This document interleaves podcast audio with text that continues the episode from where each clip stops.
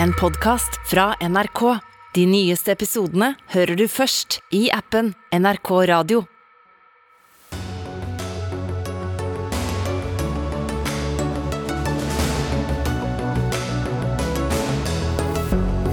Det går mot lærerstreik om 14 dager, selv om lærerne fikk tilbud om mer lønn enn rammen som ble lagt i industrioppgjøret. Samtidig har oppgjøret i staten nettopp endt med enighet.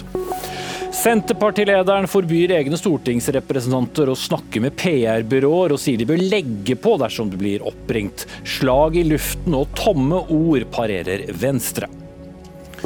De nye retningslinjene for legemiddelassistert behandling av rusavhengige skal ta brukerne på alvor, men brukerorganisasjonen vil vrake hele ordningen. Og kvinner bør underordne seg mannen i ekteskapet, sier teolog. Nå møter han en av kvinnene som tar til motmæle. Ja, god kveld, dette er Dagsnytt 18. Jeg heter Espen Aas, og vi starter denne sendingen med at Unio Stat nå nettopp, sammen med Akademikerne, er kommet til enighet med staten om en ny hovedtariffavtale. Rammen for årets lønnsoppgjør endte på 3,84% rett over frontfagsrammen på 3,7% Vi går til Riksmeglerens eh, kontor, der eh, kommunalminister Sigbjørn Gjelsvik er i gang med en orientering. Vi står, og det er veldig mange ansatte og ansatte i staten som har eh, stått i veldig krevende jobber som eh, ivaretar viktige samfunnsoppdrag. Eh, og det at vi nå har sikret et godt oppgjør for de statsansatte, og at vi òg har hindra en storstreik i staten, er veldig gledelig. Og En av de tingene som jeg syns er viktig å trekke fram, det er jo at vi i en tid som for mange eh, med lave og middels lønninger er kanskje ekstra krevende pga. økte kostnader i samfunnet. Eh, så har vi sikra i avtalen med LO og YS en eh, tydelig lavlønnsprofil. Om du når du skal handle brød og melk, om du tjener 350 000 eller 1 million, så koster brød og melk like mye. og Det å sikre en god lavtlønnsprofil er viktig. Så har det vært krevende i meglinga. For oss i staten så er jo det viktig å eh, hegne om frontfaget eh, og sørge for at en eh, har en lønnsutvikling i eh, staten som òg eh, over tid er innenfor ramma til eh, konkurranseutsatt industri. Eh, vi har jo eh, blitt forelagt ei, eh, skisse fra Riksmekleren, og vi har akseptert det som, som ligger i den skissa fra Riksmekleren. Og vi mener i den situasjonen som vi står og forhindre ei storstreik i staten, så har det vært rett å, å gå inn på avtalen, òg fordi at det i de eh, avtalene vi nå har eh, forhandla fram, så ligger det et godt resultat for de som er ansatt i, i eh, staten. Det ligger òg god profil, og vi er veldig godt fornøyd med at den avtalen blir anbefalt. Ja, Da går vi eh, ut fra presseorienteringen nede på Riksmeglerens kontor, der eh, altså kommunalminister Sigbjørn Gjelsvik fra Senterpartiet orienterte om løsningen i staten. Ramme på 3,84% som ble godtatt eh, av alle parter der. Samme ramme som også ble lagt i kommuneoppgjøret, hvor ikke alle godtok det. For det går mot lærerstreik om 14 eh, dager etter at Utdanningsforbundet, Skolenes landsforbund og Lektorlaget ikke godtok eh, meklingstilbudet fra KS. Og Steffen Handal, du er da forhandlingsleder for Unio kommune og leder også Utdanningsforbundet. Hvorfor godtok dere ikke, eller stemte blankt, da, som dere formelt eh, gjorde, som er en mer teknisk løsning som ikke vi trenger å forklare? Nei, altså Det er jo veldig trist å konstatere det. for Vi, jo, vi har kjempa opp eh, ramma i kommunal sektor over frontfagsramma, som var på 384. og Alt lå egentlig til rette for å kunne få til noe for alle. Eh, men eh, arbeidsgiver velger en profil som ikke treffer våre medlemmer. og Det gjør de liksom i en, ja, en situasjon hvor lærerne ble konstatert som lønnstapere i fjor. Og i forfjor tapte vi terreng. Vi har tapt terreng over lang sikt. Og det, det, skjer jo i en situasjon hvor vi har en stor andel som står og underviser i klasserommet uten å ha lærerutdanning. Eh, 16 til 20% Det er ganske dramatiske tall. Men, men bare for å Ja. ta en ting først. altså eh, 3,84 det er jo over da denne berømmelige frontfagsrammen som, som du var veldig opptatt av i forkant, at eh, dere måtte få mer enn det. Nå får dere mer enn det. Likevel så vil dere ikke godta. Så hva er det som mangler her? Nei, for det, ikke sant? 3, 384 er jo potten, pengesekken. Og den skal fordeles mellom ulike, ulike yrkesgrupper i kommunal sektor. Og det KS velger å gjøre, det er jo ikke legge nok til lærerne. Eh, og vi har et etterslep her. Vi burde hatt mer Enn andre. enn andre, fordi vi fikk mindre i fjor, mindre i forfjor, og på lang sikt. Og Det er en situasjon som er veldig uholdbar når vi samtidig har lærermangel, og hvor norske elever opplever undervisning fra folk som ikke har den kompetansen. Okay, du- Så regjeringen og Stortinget er veldig opptatt av. Det er en mismatch her mellom hva sentrale myndigheter vil, og hva arbeidsgiverne vil. Da, da går vi til arbeidsgiver. Representerte deg Tor Arne Gangse, du er arbeidslivsdirektør i KS, og da representerer arbeidsgiveren kommunene. Hvorfor endte dere sånn? Ja, dette er jo et resultat av eh, et forhandlingsresultat eh, mellom eh, fire hovedsammenslutninger og en arbeidsgiver.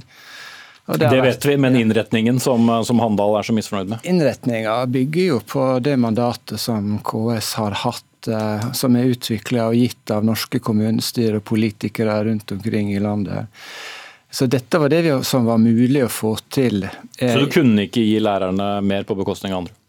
Da måtte andre ha fått mindre. Sånn er det jo rundt forhandlingsbordet. Når du har, når du har én pengesekk som skal fordeles, så må du finne en eller annen balanse mellom alle de motstridende kravene som var inn i denne meglinga.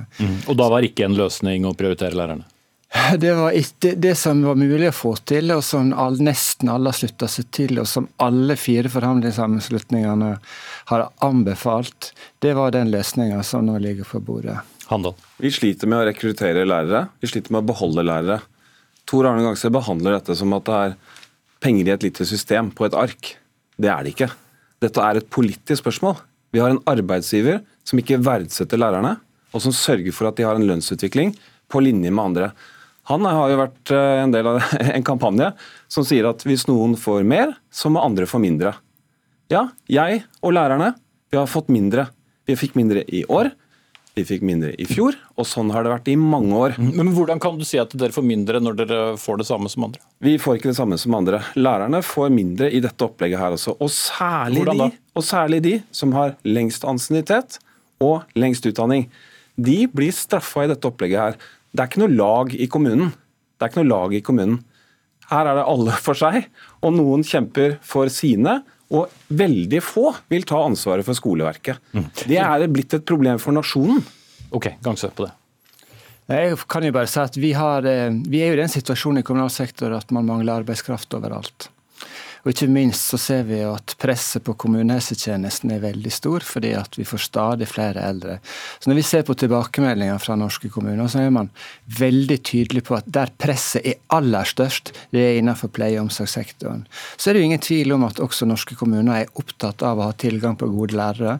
Men man må gjøre noen valg, og tilbakemeldingene fra kommunene dette året her var at vi er nødt til å prioritere innenfor helseområdet. Vi har fått til veldig gode nye løsninger. Så der valgte man å prioritere en gruppe? Vi har valgt å prioritere en gruppe som på en måte er komplisert fordi at helseområdet er bemanna gjennom 24 timer i døgnet, 365 dager i året, og, og, skal, levere tjenester kveld, helg og natt. Dette har vært et prioritert område. i Ok, men Er du enig i Handals eh, fremstilling om at lærerne da får mindre? Lærerne tapte jo lønnsutvikling i fjor, først og fremst som følge av at lærerne valgte å gå ut i streik. Mm, men i år? Der- I, i, ja, altså Lærerne er jo de høyst lønte i kommunal sektor, og det er jo de som har fått mest eh, tillegg i kronene. Så det å diskutere hvem som er taper og vinner i et lønnsoppgjør Men det er ikke kronetillegg vi pleier å se på i oppgjør, det er jo prosenten. Ja, men det er kronene man lever av, så Handal. Jeg, jeg forstår ikke hva Gangsø sier. På den ene siden så sier han at dette er en villet politikk. Han har kommunene i ryggen, sier han, for å nedprioritere lærerne. Og så sier han at, lærer, nei, at kommunene er opptatt av å rekruttere og beholde gode lærere. Hva er det som stemmer her? Av, Begge de tingene kan ikke være sant på en gang. Altså, er- jeg vet at det skal mer til for å rekruttere og beholde en lønn. Men lønn spiller en rolle. Det er viktig for alle. Alle vet det. Men når du nedprioriterer en gruppe over tid, sånn som man har gjort med lærerne, det irriterer. Og du har provosert på deg lærerstanden. Det er tre lærerorganisasjoner i tre ulike hovedsammenslutninger som finner sammen, og som sier at det tilbudet KS kommer med, det er en provokasjon. Mm. Er dere interessert i å sukre pillen? Eh, vi har jo inngått en tariffavtale nå med nesten alle i kommunal sektor. Det er jo den som gjelder for kommunal sektor. Og så konstaterer jeg at eh, de yrkesgruppene i vår sektor som har den høyeste lønna, og som har den, er også de som på en måte klager mest, og som, som, ser ut til å komme i en situasjon der det oppstår en konflikt. Nå hadde jeg tenkt å gå videre, men jeg så du ble så provosert, så du skal få ja. svare ut den. Altså, Mener du virkelig at de med lengst utdanning og lengst ansiennitet i kommunal sektor klager mest, og at det er de som ikke bør få lønnsutvikling? Siste, skal vi fortsette på det sporet? Det siste har jeg ikke sagt. Det vi har vært opptatt av, det er jo at det er de, eh, de med høyest lønninger i vårt lønnssystem som i denne meglingen, som resultatet i meglinga eh, er mest kritisk til det, det tikker inn på min SMS fra mange av dine kollegaer i kommunal sektor, fra sykepleiere og helsefagarbeidere som er kjempefornøyd med dette lønnsoppgjøret. Ja, det, og det er fordi at man har hatt en prioritering av denne ja. typen yrkesgrupper.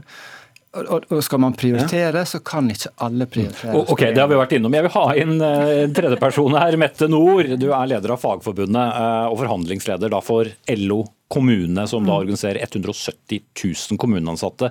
Dere godtok uh, tilbudet. Hvorfor var det godt? Jo, det var et godt tilbud. Det var et tilbud som avspeiler, eller gjenspeiler hele arbeidslaget.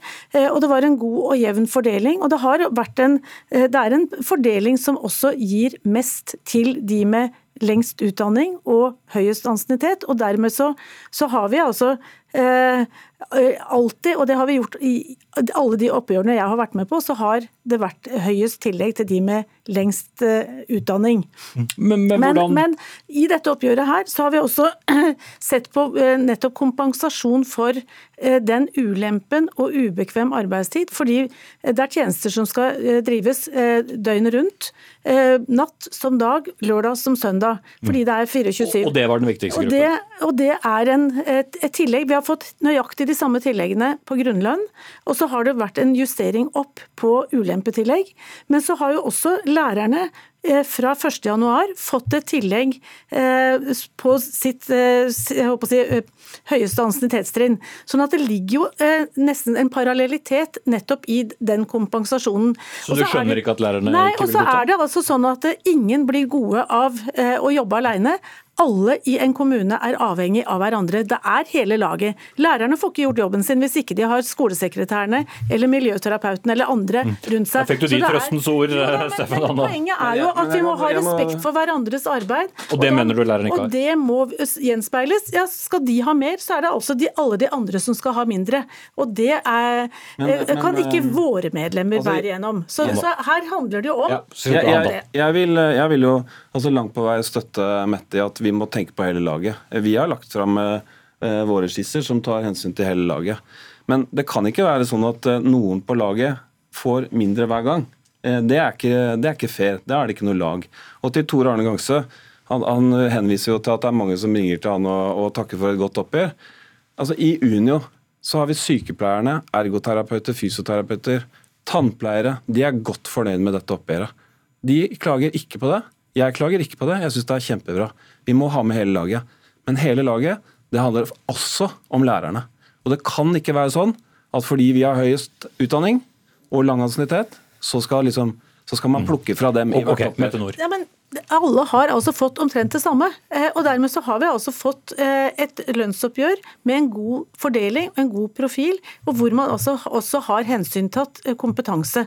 Så, så, jeg kan heller ikke helt forstå regnestykket på at lærerne kommer dårligere og dårligere ut. Fordi vi har altså opp gjennom alle år gitt mest til lærerne. Det har vært mest på de med høyest kompetanse, og så har det altså blitt gradert nedover. Jeg må spørre deg om en ting til, Mette Nord, for å endte dette oppgjøret på på 3,84, som også var over frontfaget, som mm. dere har vært opptatt av. Du har til og med vært ute i avisen du, sammen med din, din leder, også leder for Fellesforbundet, og sagt det er kjempeviktig at ikke vi bryter den ramma. Nå har du godtatt å bryte den, hvordan forklarer du det? Jo, Det forklarer jeg med at vi avtalte en høyere ramme enn den vi fikk i fjor.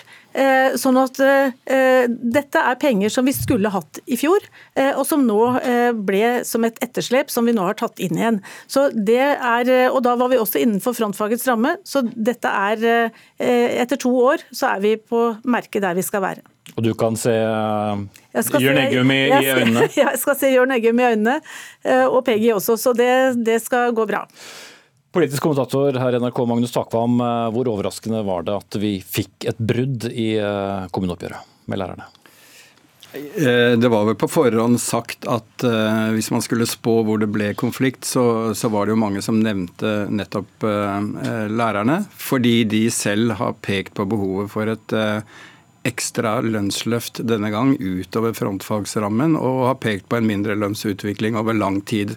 Så det er klart, det lå an til, og, og var vel da også skapt forventninger om et løft for dem. Eh, så på den måten eh, er det kanskje ikke overraskende. og det er jo det er jo talende at det er lærerorganisasjoner i alle tre sammenslutningene da, som er enige om analysen. Og det Eh, nå er det jo ganske høy temperatur mellom eh, lærerne og eh, arbeidsgiverne, og for så vidt litt internt i, i KS-området også, om prioriteringer, som vi hører her.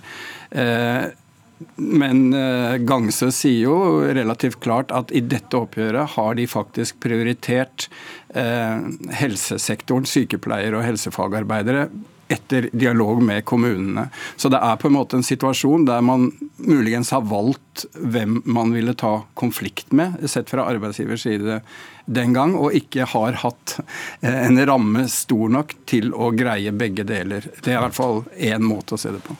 Men eh, hvor stor mulighet har egentlig lærerne å få særlig mer? Nå velger de å, å gå konflikt, og, og, på et eller annet tidspunkt så må man jo komme til eh, enighet. Men det hørtes ikke ut som KS hadde mye å gi her. Nei, Det er jo veldig vanskelig å, å, si. og det er klart Konteksten rundt en konflikt Sånn, hvis du tenker sånn tradisjonelt om pressmidler og sånn, så er det jo rett før en, en ferie osv. Men uansett så, så, er det den måten uh, Steffen Handal argumenterer på, så er det jo mer også en politisk markering om at det for, slik de ser det, eh, at, at, det politiske systemet også er med på å svikte lærerne. Da. Så er, Den dimensjonen av denne konflikten ikke, handler ikke bare om kroner og øre. Men hvis man ser på, tilbake til det, eh, hvis man ser på hvem som har fått mest og minst i dette opp, oppgjøret, så er jo, føler jeg KS enige om at de med lengst ansiennitet, altså lektorer og adjunkter og sånn med lang universitetsutdannelse, prosentvis har fått mindre enn de lavere ned i systemet. Og Det er noe av dilemmaet når det har en så svær lønnsmasse og så, store arbeidstakergrupper selvfølgelig med eh, høyskoleutdanning og, og, i helsesektoren som krever masse ressurser og ekstravakter. Så det er ingen lett jobb å fordele lønnsmassen eh, slik den er sammensatt i kommunene. vil jeg si. Mm. Vi er der eh, vi er iallfall. Takk til Steffen Handal fra Utdanningsforbundet og forhandlingsleder for Unio, Mette Nord fra LO og Torne Gangsø fra KS. Og i og med det ble da enighet for staten nå, så er det bare Oslo kommune som gjenstår av de store oppgjørene. De har nemlig sin egen, sitt eget tariffområde.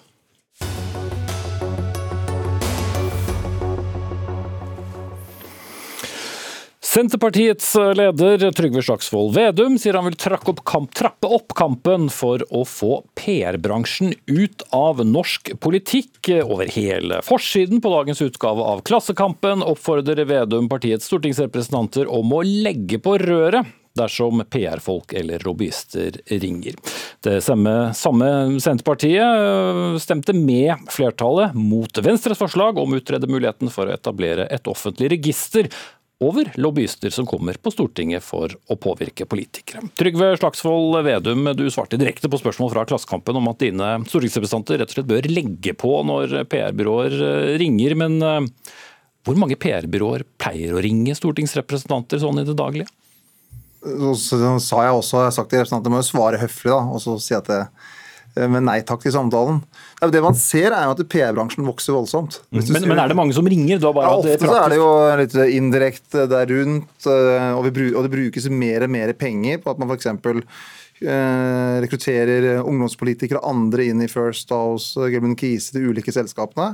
Eh, som da neste omgang skal brukes til å påvirke de samme partiene de kommer, bort, kommer ifra. Derfor har jeg vært tydelig på punkt én. At det skal ikke være noen direkteovergang fra PR-byrå til Senterpartiet når vi er i regjeringsapparat. Jeg ønsker ikke den der vekselsvingdøra mellom PR og politikk, og at det mer og mer blir pengedrevet. Og Hvis du da merker at det er et PR-byrå som står bak en eller annen henvendelse du, du får, si nei, men jeg skal ikke gå gjennom et PR-byrå, jeg vil snakke med den kommunen, jeg vil snakke med det selskapet, jeg vil snakke med den personen som har interesse. Men hvordan skal du vite om hvorvidt en stor næringslivsaktør har kjøpt inn tjenester fra et stort eh, PR-byrå? For det som vel som oftest skjer, er jo at de gir råd til aktøren, og ikke at det er de som ringer direkte til folkevalgte. Det har du sikkert rett i. og det selvfølgelig kan du ikke drive med etterforskning eh, på hvem folk får råd fra.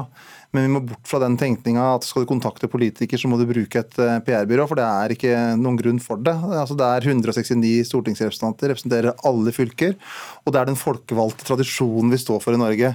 Og så har vi sett de siste ikke minst 10-15 åra at stadig flere av unge, dyktige eh, statssekretærer og rådgivere ser sin karrierevei å gå inn i PR-byrå og så gå tilbake til politikken.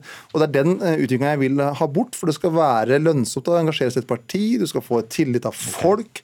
Og da må vi få ned pengebruken. Og så har jeg kutta altså, som finansminister 60 millioner kroner til underliggende statlige etater, som har brukt spesielt mye PR-konsulenter og konsulenttjenester. Okay. For jeg ønsker også å få kutta den offentlige pengebruken. Da skal vi eh, ta inn venstreleder Guri Melby.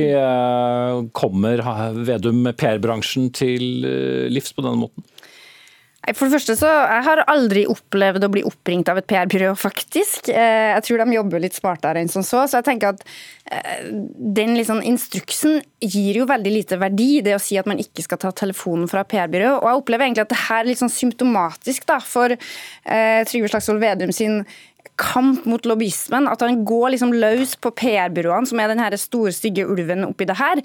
Eh, men, Men han tar vel ikke feil i at en rekke toppolitikere, statsråder, stortingsrepresentanter og statssekretærer fra de aller fleste partier har gått til ganske lukrative jobber i nettopp PR-bransjen, som igjen kommer på Stortinget og vil eh, påvirke dere politikere? Ja, Det er ikke noe tvil om, men det jeg tror vi må snakke om er for det første hva er problemet, og så må vi da snakke om hva er løsninga på det problemet. Det jeg i hvert fall mener problemet er jo sånn at hvis du må ha penger for å få innflytelse, så er det et kjempeproblem. Så hvis du er nødt til å ansette noen for å få innflytelse på partiene i Norge i dag, så har vi et problem. For det betyr at det blir vanskeligere for vanlige folk å nå fram med sitt budskap. Spørsmålet er da hva er løsninga? Er det å legge på røret hvis PR-byråene ringer, eller er det mer åpenhet, sånn som Venstre har foreslått? Jeg mener jo det at det å ha et lobbyregister på Stortinget, sånn at man ser hvem er det du møter da, når dere sitter og forhandler om Men det er det jo bare dere som vil ha? Ja, og noen andre partier, men dessverre ikke Senterpartiet. Og jeg har til gode, en, har til gode å se en begrunnelse fra Trygve på hvorfor han ikke vil ha det. Altså, Dagsnytt 18 hjelper deg. Hvorfor kan vi ikke ha et eh, PR-register hvor man altså registrerer alle som kommer fysisk inn på Stortinget for å, å påvirke de som sitter der? Hadde det løst problemet, så hadde det vært, hadde det vært for det. Men det blir bare en sovepute. For det er jo ikke sånn at bare den som kommer inn på Stortinget prøver å påvirke politikere. Det kan være på møter, det kan være på reiser, det kan være på telefon. Og en stortingsrepresentant bør egentlig ha de aller fleste møtene utenfor Stortinget i egen valgkrets. Og så er det veldig enkelt å løse mange av de her problemene. For så har da Senterpartiet og Venstre valgt ulike tradisjoner og ulike veier når vi skal rekruttere folk. Guri Melby valgte å rekruttere en statssekretær som var partner i First House når hun var statsråd. Og jeg ønsker eh, at vi skal slutte med den type rekruttering. Forklart for First House så var det en kjempegevinst at en partileder da rekrutterte en av deres partnere til en av sine nærmeste medarbeidere. Og Det har jo flere av de tidligere regjeringspartiene rekrutterte veldig sentrale topper i PR-bransjen. Sigbjørn Aanes f.eks. også. Ja, la oss ikke ta masse folk som det, ikke er i studio. Og, og, det er enig det, det, skal jeg ikke gjøre. Men det er et problem hvis du, hvis du ser når du kommer inn i en ny regjering, og så ser du at en del av de mest sentrale strategene i den nye regjeringen kommer direkte fra sentrale posisjoner i kommunikasjonsbransjen. Men, men det er jo fortsatt noe annet da, enn den rene påvirkningen. Da skal man ikke rekruttere uh, tilbake igjen uh, fra PR-byråene og inn i politikken. Men her snakker vi jo om hvordan, man, eller hvordan du da, uh, mener du kan stanse PR-byråene. Altså det, men det er, helt enig i det. Det er én metode, sørge for at vi ikke rekrutterer. En annen metode er at vi kutter den offentlige pengebruken til det, som Senterpartiet og Arbeiderpartiet har gjort eh, sammen med med SV. Og den tredje er jo nettopp det at vi må ha eh, en bevissthet at når F.eks. mange fylker en periode leide inn PR-byråer for å prøve å påvirke prioritering i Nasjonal transportplan. Det er fullstendig sløsing med penger. Okay. Så det må lokale politikere si dere må ikke bruke den type tjenester, dere må bruke de folkevalgte kanalene. Men, men hvor er uenigheten sånn egentlig? For jeg tror jo ikke så veldig mange av de dere politikere vil fremme PR-bransjen eh, som sådan, men, men de fleste store påvirkere som har penger, kjøper jo tjenester. Ja, nå har jo faktisk Trygve også ansatt folk med bakgrunn i PR-bransjen, så en setter jo opp en litt sånn falsk uenighet der også. Jeg tror vi er helt enig i at vi ikke ønsker en svingdør mellom politikk og påvirkning. Spørsmålet er jo hva er det vi gjør da for å løse det her som et problem. Venstre mener at svaret er åpenhet. Jeg mener det bidrar til å begrense den makta som disse lobbyistene har, dersom offentligheten får vite om det. Og altså, vi har jo lobbymøter hver eneste dag. Senest i dag så møtte jeg rektor ved Universitetet i Oslo som var bekymra for regjeringas kutt i forskning. Og Det er jo ikke noe problem hvis det blir offentlig. Tvert imot så synes jeg det er viktig at folk ser at vi snakker med universitetene da, for å høre deres syn på revidert statsbudsjett. At vi snakker med aktører, eh, om det er interesseorganisasjoner, om det er næringslivsaktører eller andre, for å høre deres syn på ting. Utfordringa er jo at du stempler PR-bransjen som den eneste som lobbyerer. Men altså, Norsk olje og gass lobbyerer, bedrifter lobbyerer. Svære bedrifter har jo råd til å lage egne PR-avdelinger som kan jobbe med det her. Så hvorfor skal du si at det å være ansatt i Gelmyden Kise, da vil ikke vi snakke med deg, men er du ansatt i Equinor og er betalt for å drive lobbyisme, så er det helt greit. Men nå, altså, det er ingen tvil om at det er mange som prøver å påvirke politikere. Heldigvis så er det jo også sånn. Vi møter, Men det er dere vel klar over også? Ja, Ingen altså, møter dere bare fordi dere syns dere er så hyggelige? Jeg håper det er noen som gjør det òg. men, men, men sånn som ja, for eksempel her vi kom inn, da, så var Utdanningsforbundet og Fagforbundet som to sterke organisasjoner. Og, og selvfølgelig så har sikkert både Melby og jeg møte med både Utdanningsforbundet og Fagforbundet i løpet av et år. Nettopp fordi at det er viktig å lytte eh, på ulike interesser. Men med en viss sunn skepsis, vil jeg tro, for de møter dere for å påvirke dere i en eller annen retning. Så Men, ja. det er det ikke det det viktigste, egentlig, at folkevalgte har den skepsis? Og det må man alltid ha. Eh, Men poenget er at de representerer jo da organisasjoner med brede medlemsmasser, at de er blitt valgt, de er tillitskvinner og tillitsmenn. Og Det er noe av det styrkende i det norske systemet, at vi har den organisasjonskulturen. At det har sterke organisasjoner, f.eks. Utdanningsforbund og fagforbund. Men det som har skjedd de siste 10-15 åra, at det har kommet i tillegg til det, så har det kommet opp en stor sånn amerikanisert lobby- og PR-bransje. Hvis du er i Washington, så er det en helt ekstremt stor bransje. Men- men vi er er i vi- Oslo, da. Jo, men vi begynner å få den bransjen i Oslo. Og det er mange tidligere toppolitikere og kommende statssekretærer og rådgivere som jobber nettopp der. Og jeg ønsker at vi skal Ok, men det, er- det er du Få sagt den som til, Guri Melby, for nå løper tiden ut. Ja, og Hvis det er det du ønsker, så gir det ingen mening at du stemmer imot et lobbyregister. Altså, Det er jo det mange land nå har innført. Og det, det at det skal være så utrolig vanskelig å gjøre det i Norge, når man får det til i USA, i Tyskland, når Europaparlamentet får det til, det syns jeg er ganske vanskelig å forstå. Og det vi ba Stortinget om å gjøre, var jo å utrede muligheten for å lage en ordning, sånn at man kan skille mellom profesjonelle lobbyister og enkeltpersoner som tar kontakt med oss politikere, sånn at det kanskje blir lettere for folk flest å snakke med oss politikere, ikke vanskeligere. For det er vel egentlig de dere helst snakker med, det er i hvert fall alltid de dere refererer til når dere har vært rundt i landet og møtt helt vanlige folk. Guri Melby, leder av Venstre, og Trygve Slagsvold Vedum, leder av Senterpartiet. Takk skal dere ha begge to.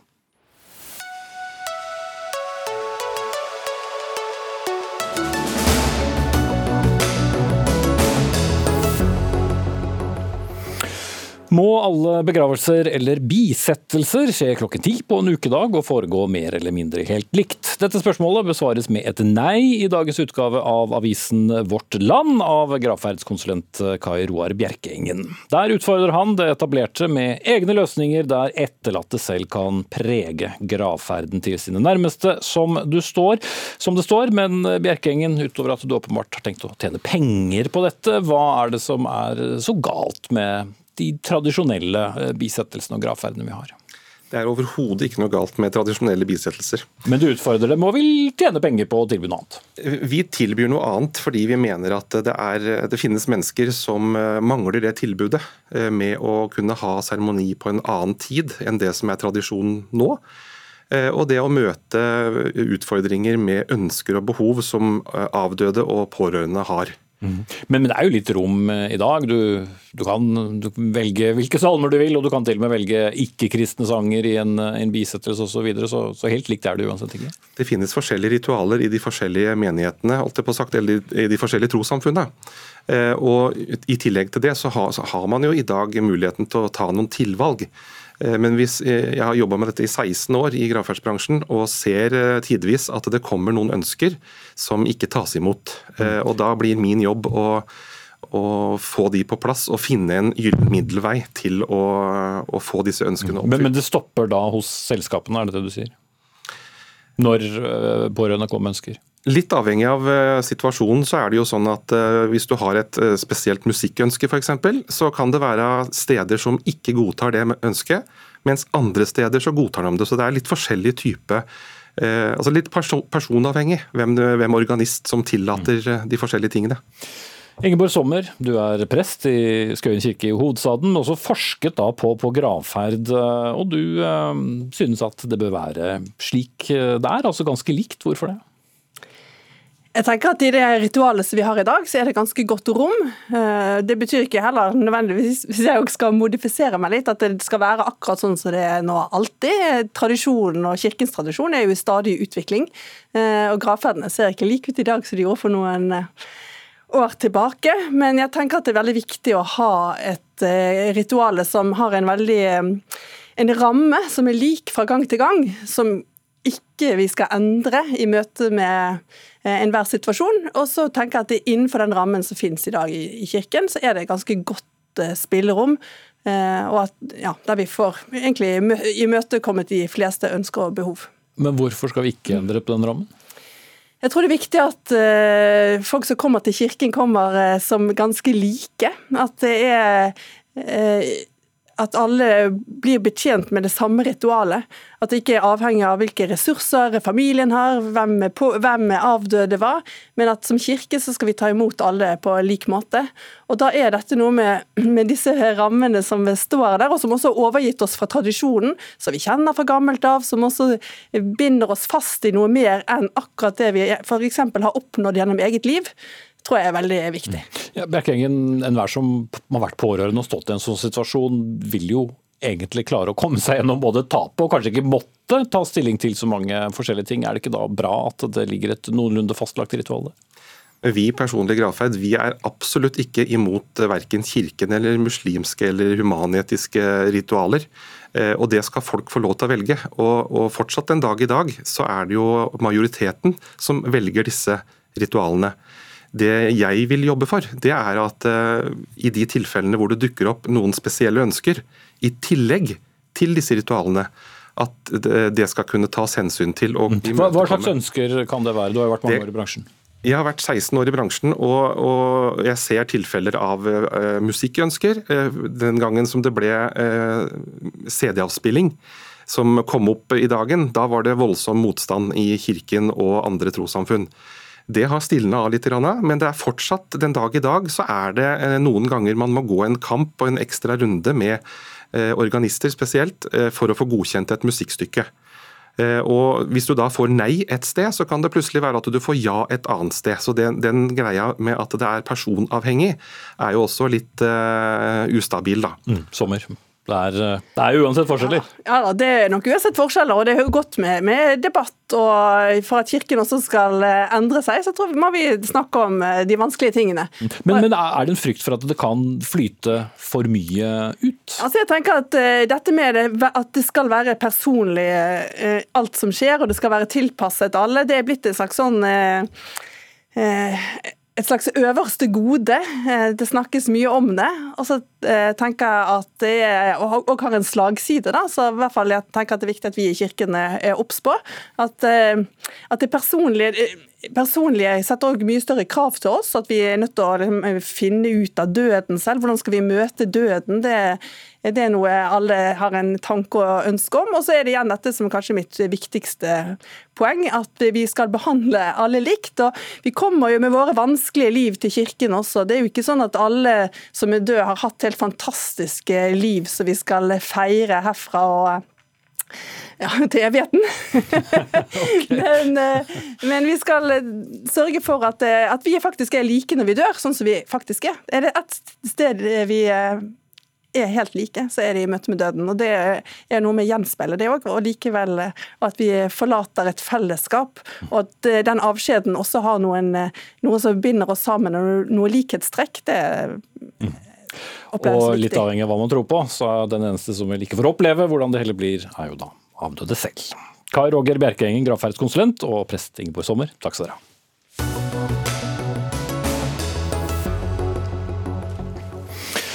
Den eh, svenske regjeringen eh, har nå i forbindelse med sin eh, mye omtalte Nato-søknad fått en liste på fem krav fra Tyrkias president Recep Erdogan for at han skal godta den svenske søknaden. Alle eksisterende Nato-land må være samstemte når nye land skal tas opp. Blant kravene er stans av det tyrkerne påstår er svensk finansiell støtte til det kurdiske arbeiderpartiet PKK. PKK er, som jeg vet, av mange land stemplet som en terrororganisasjon. Og Joakim Reigstad, vår korrespondent i Stockholm, hvordan har svenskene reagert på kravlisten fra den tyrkiske presidenten? Denne listen er feil. Det var eh, utenriksminister Anne Lindes klare melding i dag. Hun peker bl.a. på at disse påstandene om at Sverige har gitt penger til terrororganisasjoner, slett ikke medfører riktighet. De milliardene det er snakk om, er humanitær hjelp som Sverige har gitt bl.a. Eh, til eh, innbyggerne i Nord-Syria. Men dette har vært hjelp som har gått gjennom i det store og hele gjennom FN-organisasjoner, sier, sier hun i en uttalelse fra svensk UD i dag. Ellers så blir dette mottatt med litt eh, hoderysting, og man skjønner fortsatt ikke helt hva det er tyrkerne egentlig ønsker å oppnå med denne kravlisten. Innholdet i den er på mange måter kjent litt fra tidligere, men den blir altså spesifisert i dag. Men, men Joakim Reikstad, har svenskene et så unikt og spesielt forhold til PKK? Nei, det kan man ikke si. Svenskene har faktisk et ganske kan man si, eh, anstrengt forhold til PKK. Hvis vi går tilbake til 80-tallet, i 1984, så var Sverige faktisk det første landet som satte PKK på en terrorliste, da Olof Palme, den daværende statsministeren, gjorde det. Og etter at han ble drept to år senere, så var det jo mange som også mistenkte at PKK kunne stå bak. Det svenskene derimot har, det er jo at de har en historie hvor de har ønsket å yte veldig mye hjelp til den kurdiske frigjøringskampen. Og man har f.eks. veldig mange kurdere som bor, og en stor kurdisk befolkning i Stockholm. Og vi vet jo også at det har vært eh, kontakt mellom deler av eh, de kurdiske, det kurdiske militæret og den svenske regjeringen. Men det har vært på andre nivåer. Det har ikke vært med PKK, hevdes det i hvert fall helt entydig fra, fra regjeringshold i dag. Mm. Sissel Wold, utenriksjournalist og nylig korrespondent i, nettopp uh, Tyrkia. Erdogan han har jo uh, kvesset litt kniver i forkant for søknaden fra både Finland og, og, og, Sverige her. og Nå kommer det altså en kravliste i tillegg til litt uh, frem og tilbake. Mens alle har jo sagt at han kommer ingen vei med dette. Men han mener åpenbart det selv, da? Hvis vi leser Erdogans spill denne gangen, så bringer det oss til Syria, for han er jo en spiller av rang. Og Erdogan er veldig opptatt av å ha en buffersone i Nord-Syria, for der har kurderne kontroll nå, eh, YPG. Og Erdogan sier at eh, kravet hans er å bekjempe terrorisme, mens eh, terrorister og terrorisme, det kommer jo an på hvem som ser.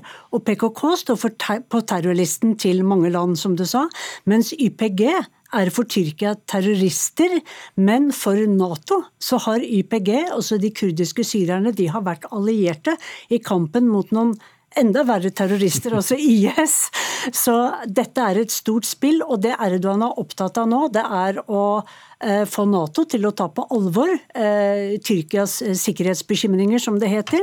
Og det er å ha YPG, altså for Tyrkia-terrorister, på grensen til Tyrkia. Så Erdogan har forsøkt flere ganger å kontrollere en buffersone på 30 km nord i Syria, på grensen til Tyrkia. Nå sier han i går at han vil starte en operasjon igjen.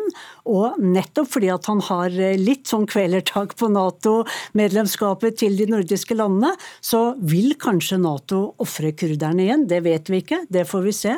Men uh, han har et annet manøvreringsrom nå, så spillet, spillet bringer oss til Nord-Syria. Mm. Men uh, mange har jo pekt på at han kanskje har spilt litt høyt i de innledende rundene. Men har han nå bedre brikker uh, på, på, på brettet enn det han først kom med? Han er i alle fall konkret, og eh, Natos eh, generalsekretær Jens Stoltenberg sa senest i dag at vi må ta Tyrkias sikkerhetssituasjon eller bekymringer på alvor. Og det har Jens Stoltenberg sagt hver gang han har vært på besøk hos president Erdogan i Ankara, at Tyrkia er et viktig Nato-land, og at de må bli hørt. Og så får vi se hvor langt president Erdogan kan presse Nato i denne omgangen, for det kan jo skape en presedens presedens til en annen gang et annet Nato-land ønsker seg noe spesielt. Og, og til slutt, Joakim Reikstad i, i, Stockholm. Eh, svenskene har jo, som du innledet med å si, ikke så store planer om å innfri disse kravene, de heller.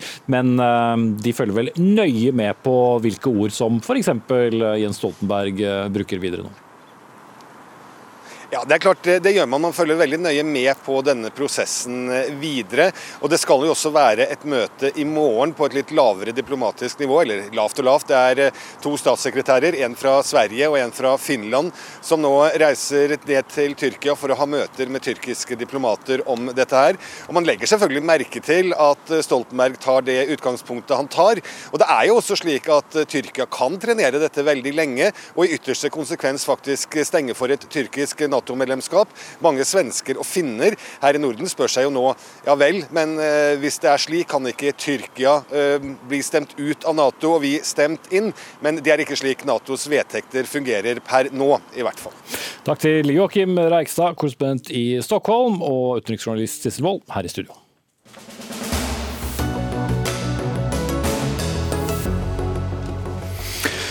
Et uh, intervju med en kvinne som uh, velger å leve med mannen som overhode i familien, det har fått mange til å mene noe om hva Bibelen egentlig mener eller sier om likestilling.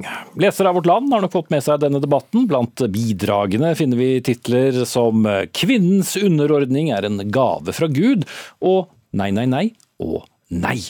Denne debatten har nå funnet vei inn til vårt eh, studio i Dagsnytt 18. Du som eh, er blant de som mener kvinnen skal være underordnet ekteskapet, er deg, Espen Ottosen, teolog og informasjonsleder i Misjonssambandet. Hvorfor skal hun det? Sånn Grunnleggende sett så tenker jeg at de ordene vi har i Bibelen om ekteskapet, om hvordan leve i ekteskapet, gjelder fortsatt. Og det tenker jeg også gjelder de ordene som er rettet til kvinner om underordning. Men det er jo ikke noe sånn veldig stas å være her som mann og skulle snakke om dette. og Derfor er det også viktig for meg å si at eh, for meg er ikke dette en veldig stor sak. Jeg tror det er litt uenighet, eh, også i den organisasjonen jeg representerer. Det lever vi ganske greit med. Det som har provosert meg i debatten, og som fikk meg til å gå inn i den, det er jo at det er ganske mange som setter likhetstegn mellom underordning og undertrykking. Mm. Og, og det er ikke det samme, mener du, selv om en kvinne da skal være underordnet en mann? Nei, jeg mener ikke det er det samme. og En av de viktige grunnene for meg da, til at jeg tenker at det er to forskjellige ting, det er at jeg mener at jeg som mann eh, ikke har til oppgave å sørge for at en ektefelle er underordnet. Eh, Bibelen er veldig tydelig på at kvinner får en oppfordring om å underordne seg, men menn får aldri en oppfordring om å sørge for at det skjer. Så, så ansvaret er hennes da, å være underordnet? Absolutt. og det betyr at hvis jeg, jeg, tenker faktisk slik at hvis vi havna i en diskusjon, da, jeg og kona mi, og jeg liksom trakk kortet nei, men i dette ekteskapet er det jeg som bestemmer, da mener jeg faktisk at da tråkker jeg over en grense. Fordi at Bibelen sier jo veldig mye om hva menn skal gjøre. Bibelen sier til meg da, som mann at jeg skal elske kona mi som Jesus elsket menigheten og ga sitt liv for den. Da må jeg konsentrere meg om det. Eh, og jeg er jo helt enig med det som antagelig min motdebattant kommer til å si også, om at Du skal slippe å si hva hun skal si, for hun skal få gjøre det selv. Ingunn Elisabeth Ulfsten, du skal få komme ja, tilbake igjen, Ottosen. Eh, du er daglig leder for pinsebevegelsen i Norge. Er det bra å fremme et ideal der kvinnen skal underordne seg mannen? Nei, jeg opplever ikke det. Jeg, jeg synes nok at Espen Ottesen forskjønner bildet litt her i hvordan dette er, og at det ikke er noen stor sak osv. Nå er jo vi enige mye om mangt, men, men, akkurat her så skilles nok våre veier. Det, det tydelig budskap om at en kvinne skal underordne seg ekteskapet. Vi ser også det får konsekvenser både inn i kirkelivet, eh, også i Misjonssambandet som Ottosen representerer. Og så ser vi slagsidene. Og så er det sånn at vi opplever nok det at dette er litt i utakt med hvordan veldig mange kristne ektepar lever sammen, med en gjensidig underordning. Eh, og, og lever i respekt og kjærlighet til hverandre, og ikke en ensidig underordning. Så man trenger ikke å være så skrifttro? Vi mener jo at eh, vi kan lese Bibelen på to ulike måter i, de, i dette spørsmålet. Du kan ha en underordningsinnfallsvinkel og en likestillingsinnfallsvinkel. Det er litt hvilke vers du betoner. For det står jo 'underordne dere under hverandre' også i, i, denne konteksten. Og så ser vi jo hvordan Jesus og Paulus hadde hva skal jeg si, kvinner i sin stab, eh, begge to. Og at, uh, at, det var kanskje rett og slett ganske revolusjonerende det Paulus kom med den gangen i, i forhold til kvinner. Odosen på det? Altså, jeg tror vi faktisk er enige om mye, også når det gjelder eh, kvinners rolle og, og underordning, da, for å si det sånn. Føles ikke helt sånn ut? Nei, men i hvert fall, jeg tenker jo at, eh, at det går galt med undertrykking, partnervold, at det fins uh, situasjoner i den tredje verden hvor menn i altfor stor grad uh, tiltar seg makt. Uh, jo, jo, men nå snakker vi om ja. un underordningen. da, Hvis det kommer til, til en konflikt, da, som du selv brukte som eksempel, så, så, er det kvinnens plikt da, å, å underordne seg fordi det står det i en bok? Altså, jeg tenker at uh, menn og kvinner er forskjellige og har litt ulik rolle i ekteskapet. og Det betyr at uh, menn får en får en annen beskjed da, fra Paulus i disse brevene, og for den saks skyld fra Peter, eh, enn eh, menn får. Altså menn og kvinner får ulike oppgaver, ulike roller. Men, men altså Så det skal ikke være likestilling, bare for å uh, bruke det ordet, som vi har vært opptatt i i mange tiår, dette med likestilling. Det skal det ikke være. I hvert fall ikke i den sosialdemokratiske, moderne fasongen som, som jeg på en måte tenker at legger en del av premissene for denne debatten. Men, Så du er imot likestilling? Men hva betyr det? Eh, betyr det at jeg mener at, at kvinner og menn skal få samme betalt for samme jobb? Det er en selvfølge. Er jeg mot kvinnelige statsministre? På ingen måte. Skal man være likestilt i hjemmet? Ja. ja. Kanskje ikke 100 og, og, og Der får du også med en gang en diskusjon. Går det an å praktisere matematisk 100% likestilling i forbindelse med fødsel, barn, den slags? Det er en interessant diskusjon. Ja, jeg, jeg syns ikke kanskje dette henger helt sammen uh, med, med uh, Og det, det, tror jeg kan være utfordringen for mange i dag. ikke sant? Det at vi har kvinnelige statsministre.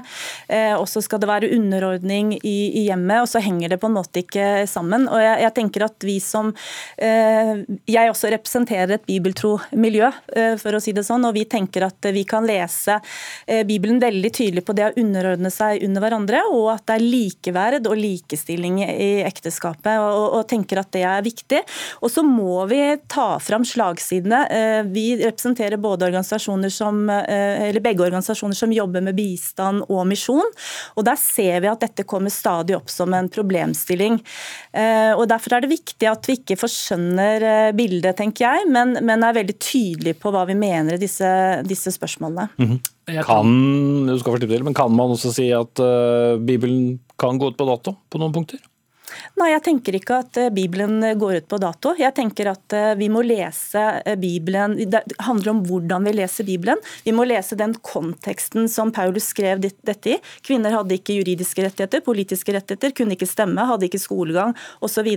Og så kom jo han med på en måte, som jeg sa i stad, et revolusjonerende budskap at i Kristus er ikke mann og kvinne, og at mannen skulle elske ektefellen sin osv. Så, videre. så jeg tenker det her handler ikke om at Bibelen har gått ut på dato. Tvert imot. Okay. Espen Oddsen fikk ja. Eh, begynne, så da tenker jeg vi sier det er greit at du fikk uh, avslutte. Jeg uh, bruker ikke Bibelen her som hvem som skal få snakke mest, iallfall. Espen Ottosen, teolog og informasjonsleder i Misjonssambandet, og Ingunn Elisabeth Ulsen, daglig leder for pinsebevegelsen i Norge.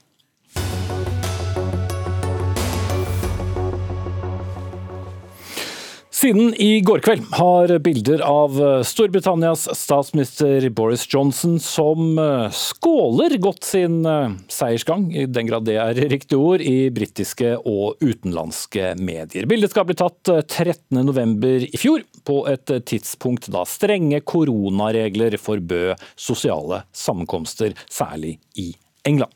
Johnson har tidligere sagt at eh, det ikke ble festet eh, i hans stab på dette tidspunktet, men nå forsterkes kravene fra opposisjonen om at han må gå av. Og London-korrespondent Gry Blekastad Almås, hvordan forklarer regjeringen selv bildet av den skålende blide statsministeren? Regjeringsrepresentanter som har vært ute og forsvart dette i dag, har eh, beskrevet eh, noe av det de ser på bildet, nemlig at den røde boksen eller kofferten som Boris Johnson har sine papirer i, er synlig på bildene. Og det eh, skal være et bevis på at han var på jobb på denne sammenkomsten. Men motstanderne til Boris Johnson ser andre ting i disse bildene, nemlig alle flaskene, vinflaskene, ginflaskene, delvis tomme flasker. Og og tomme glass som tydeligvis har vært i bruk. Og så står det da en åtte-ni mennesker rundt eh, statsministeren og, og skåler, eh, og de mener jo at dette åpenbart er en fest. Og politiet har jo også bøtelagt noen av deltakerne på denne sammenkomsten, men altså ikke Boris Johnson. Og London-politiet må også møte eh, sterke krav i dag om å forklare sin vurdering av dette nøyere. Så denne forklaringen om, om bare en, en skål i jobbsammenheng, den eh, går ikke helt hjem? Den går ikke hjem overalt. Eh, I hvert fall opposisjonen som du nevner, mener jo at eh, det også er et spørsmål om eh, Boris Johnson har løyet i parlamentet om akkurat denne festen. Fordi han fikk spørsmål om den tidligere, om det var en fest. Og da svarte han helt klart nei, og la til at det skjedde ikke noe ulovlig i Downing Street den dagen. Det har jo nå politiet konstatert at det har gjort, ved at noen mennesker har fått bot for denne festen. Og det er jo også et viktig spørsmål man nå skal grave seg videre ned i når parlamentet etter hvert skal granske dette her. Har statsministeren ført parlamentet bak lyset i denne saken? Kort til slutt, eh, Gry. Eh, britene venter jo også i spenning på rapporten til toppebyråkraten Sue Gray om eh, hele denne Partygate-skandalen. Også her er det kommet beskyldninger om at statsministeren har blandet seg inn. Statsministeren skal ha møtt Sue Gray eh, nå for noen uker siden. Eh, vi venter jo på konklusjonen hennes og rapporten hennes, og den er ventet å være veldig kritisk. Og Ifølge The Times så skal det ha vært eh, eh spurt fra statsministerens side om å droppe å publisere hele denne rapporten. Det tilbakevises fra Downing Street, men Downing Street sa først at, de, at dette møtet var initiert av Sue Gray, og har etterpå gått tilbake på det og sagt at nei da, det var Downing Street som ba om dette møtet. Eh, men der har vi selvfølgelig selvfølgelig ikke vært til stede, så ingen vet helt hva som er blitt eh, sagt. Men spennende blir det å se hva som kommer i den rapporten, som er ventet kanskje allerede i morgen, men i løpet av uka, eh, sier i hvert fall britiske medier. Fest eller ikke, det kan noen ganger være en fest å følge med på britisk politikk. Takk til Gry Blekastad Almås i London.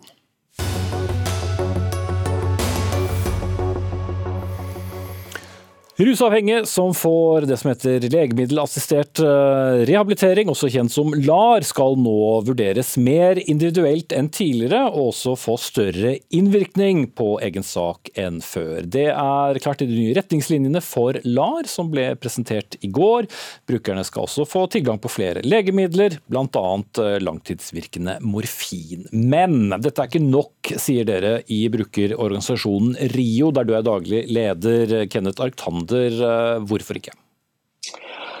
Uh, LAR, uh, Det er litt viktig å på en måte skille mellom det, Vi er jo opptatt av at man skal ha en god substitusjonsbehandling, at folk skal få en god individuell vurdering og få de medisinene som de har behov for. LAR var jo ment som at det skulle øke livskvaliteten til brukerne, redusere dødeligheten. Mange har det veldig dårlig. Mange opplever at de er helt maktesløse i det systemet.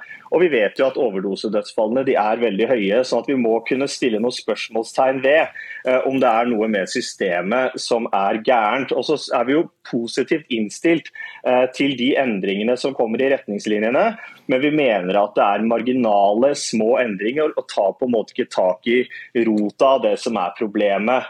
Eh, her har vi snakk om en slags særomsorg som er basert på kontroll og som er basert på mistillit og stereotype oppfatninger om hvem den rusavhengige er, som på en måte har ikke en sånn kapasitet for å ta, for å ta ansvar. Da. Ok, jeg vil, eh, jeg, ja. Du skal få slippe til eh, igjen, men jeg vil ha inn helsedirektør Bjørn Gullvåg. Eh, vurderte dere godt nok brukerne i denne runden? Ja, det mener jeg. Vi hadde med brukerne inne i arbeidet. Fire brukere som deltok eh, godt inn i dette arbeidet. LAR er en veldig flott behandling eh, som eh, kan gis til de som eh, har eh, opioidmisbruk. Og det er 8200 som eh, går i LAR. eh, Og forskerne tror at eh, det er ca. 100 dødsfall som vi hindrer hvert år. Og nå går vi nettopp i retning av mer individualisering, mer brukermedvirkning. eh, Og mindre kontroll, akkurat eh, i retningen som er beskrevet her. Så eh, jeg mener at eh, retningen er god. Og så kan det jo være at LAR-behandlingen også vil endre seg i fremtiden, men dette er bygget på den beste kunnskapen vi har i dag. Arctander. Ja, Mange opplever jo, ikke, eh, opplever jo ikke den friheten som de trenger for å kunne få en god rehabilitering i LAR. Mange opplever jo en stor grad av kontroll. Jeg vil jo egentlig spørre Gullvåg hva konkret er det egentlig du mener eh, når at pasientene nå skal kontrolleres mindre? For Når jeg leser de nye retningslinjene, så leser jeg absolutt at bunnplanken i de fortsatt handler om en stor grad av kontroll og mistillit til brukerne. Nei, tvert imot så eh, har noe av kritikken nettopp gått på at eh, det har vært mye kontroll. og Vi har forsøkt gjennom denne retningslinjen å myke opp det. Tidligere har det f.eks. vært obligatorisk å, kunne, å måtte vise urinprøve eller å ta urinprøve. Eh, Nå eh, gjøres det en individuell vurdering av om det er nødvendig, og man skal i hovedsak basere seg på observasjon og dialog, og ikke eh, da innføre kontrollregime. Så her vil det være mulig for brukerne i langt større grad å styre hvordan denne behandlingen skal gis. Og Vårt mål er jo nettopp at flere skal inn i LAR, og at vi på den måten også skal gi flere et fullverdig tilbud og et godt liv.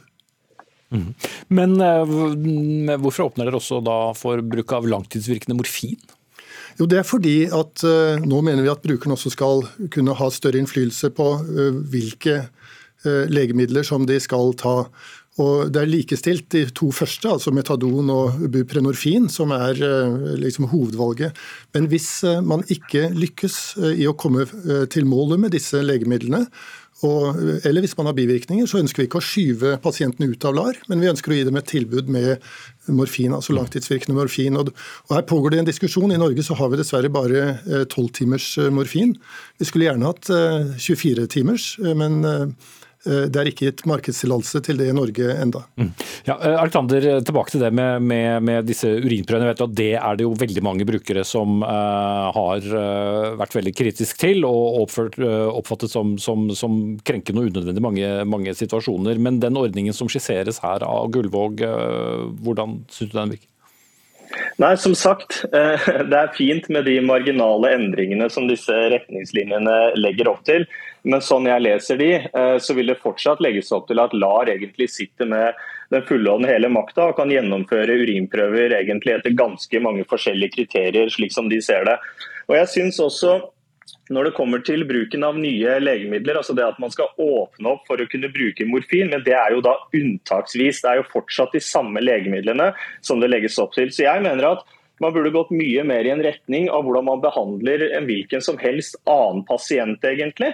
Du kan se for deg Hvis du går til legen din sjøl, du har en eller annen lidelse. eh, Du, legen finner en eller annen måte, dette er den beste måten å behandle deg på, gjør en klinisk vurdering og gjør det. Men LAR legger altså så mye kontroll eh, på legene, og jeg mener vi burde gått mye mye lenger enn det vi har gjort. og Det er derfor de, vi mener da at man egentlig burde, burde vurdere å faktisk avvikle dagens LAR-ordning, og, og heller utvikle en mer individuelt tilrettelagt substitusjonsbehandling. Men der er vi langt unna, Gullvåg. Ja, eller jeg mener vel at det er det vi gjør. Vi avvikler egentlig det, det som har vært eh, fortidens eh, LAR-ordning. Og vi utvikler en mer individualisert eh, tilnærming med mindre kontroll.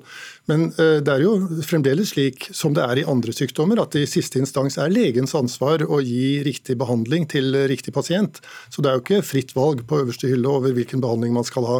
Det må være en faglig forsvarlig til dette, som er ivaretatt gjennom de nye retningslinjene. Alexander på det til slutt. Ja, jeg noterer meg at vi, at vi går i riktig retning, og, vi er, og, vi er, positive til det. Men, men det at legen skal ha siste ord, er ikke det en trygghet i det også? Jo, det er riktig at legen skal ha siste ord, og det er det også når det går til legene. Men dette er altså et system mener jeg, som, som i stor grad legger opp, til, eh, legger opp, til, kontroll av pasientene. Jeg leser også det av de nye retningslinjene. Så man har gått et lite skritt her, men jeg mener fortsatt at man er veldig langt igjen eh, for å kunne begynne å snakke om at man har avviklet dagens LAR-ordning. Ok. Ti år tok det å, å, komme hit. Vi får se hvor lang tid det tar før det blir eventuelle nye endringer. Helsedirektør Bjørn Gullvåg og daglig leder i RIO, Kenneth Arkander, takk skal dere ha begge to.